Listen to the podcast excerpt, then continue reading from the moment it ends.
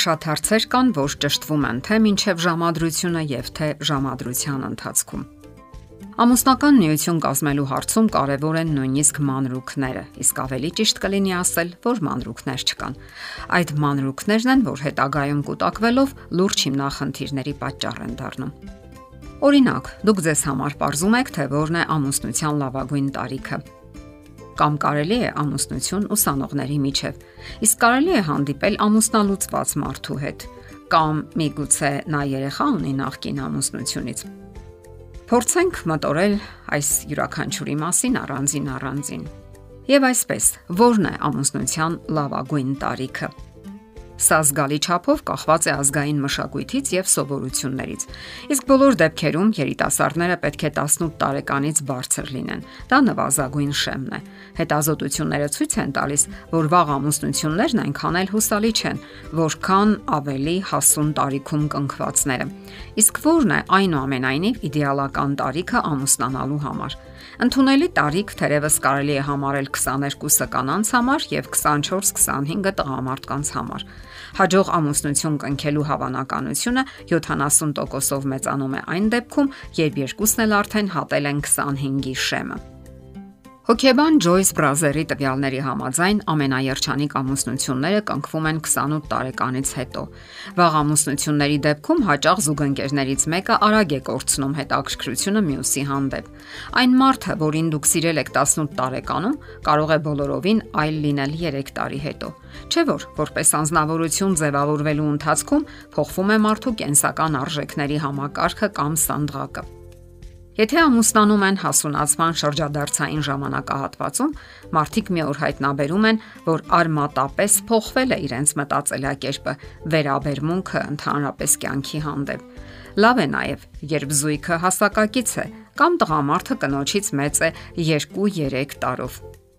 ոչ մի առանձնահատուկ բան չկա, երբ կինն է մի փոքր մեծ տարիքով, եթե իհարկե զույգը ոչ մի նշանակություն չի տալիս դրան։ Ժամանակի հետ տարիքային տարբերությունը համարյա անկարևոր է դառնում։ Բայց եթե ձեզանից մեկը մեծ է 8-ից 10 տարով, ապա դուք պետք է հանգամանորեն մտածեք առաջանալիք հիմնախնդիրների մասին կա ֆիզիկական ակտիվության տարբերություն, հետաքրքրությունների անհամապատասխանություն եւ այլն։ Բոլոր դեպքերում ամեն ինչ կախված է կոնկրետ մարդուց կոնկրետ իրավիճակից։ Հաճախ աղջիկն ամուսնանում է տարիքով իրենից բավականին մեծ անznավորության հետ, որոշելով, որ դա իր միակ հնարավորությունն է։ Հաճախ էլ նրա մեջ գտնում է ծնողներին փոխարինող անznավորության։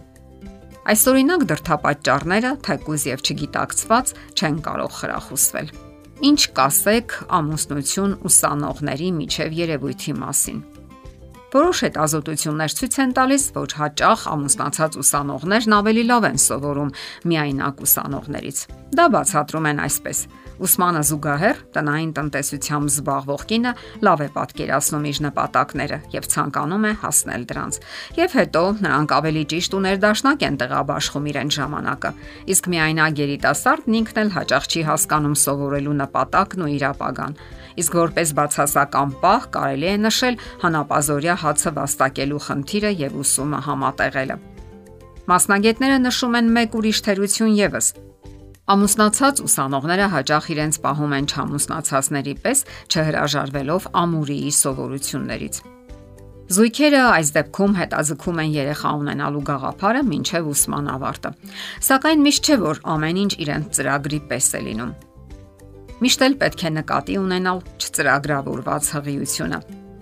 իսկ դա նշանակում է լուրջ բարդություններ ուսման մեջ եւ կամավոր հրաժարում շատ բաներից, համատեղելով բազմաթիվ խնդիրներ։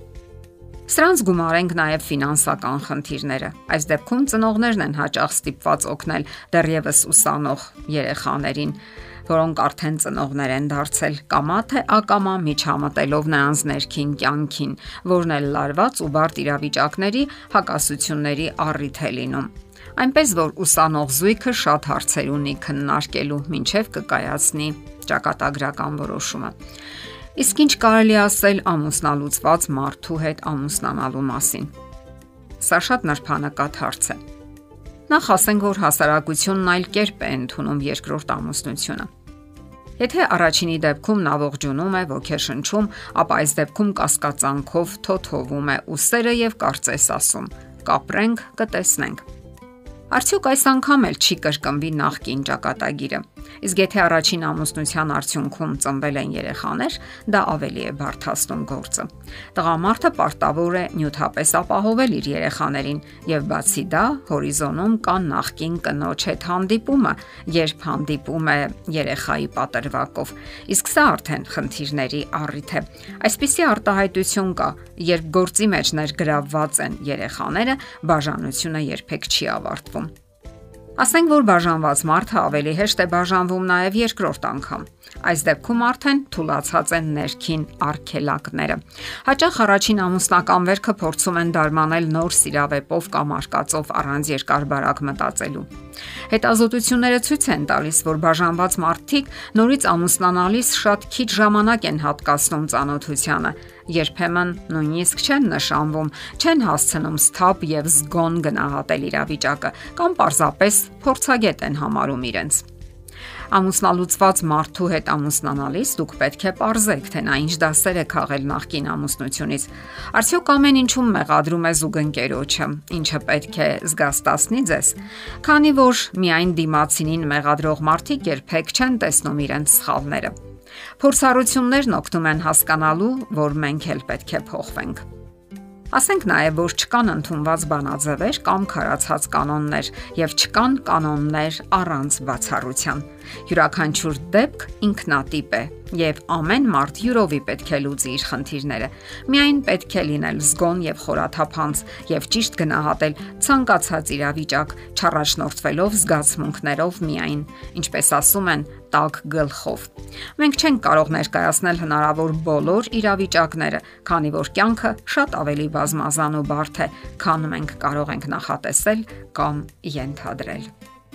Եթերում ճանապարհ երկուսով հաղորդաշարներ։ Հարցերի եւ առաջարկությունների համար զանգահարել 033 87 87 87 հեռախոսահամարով։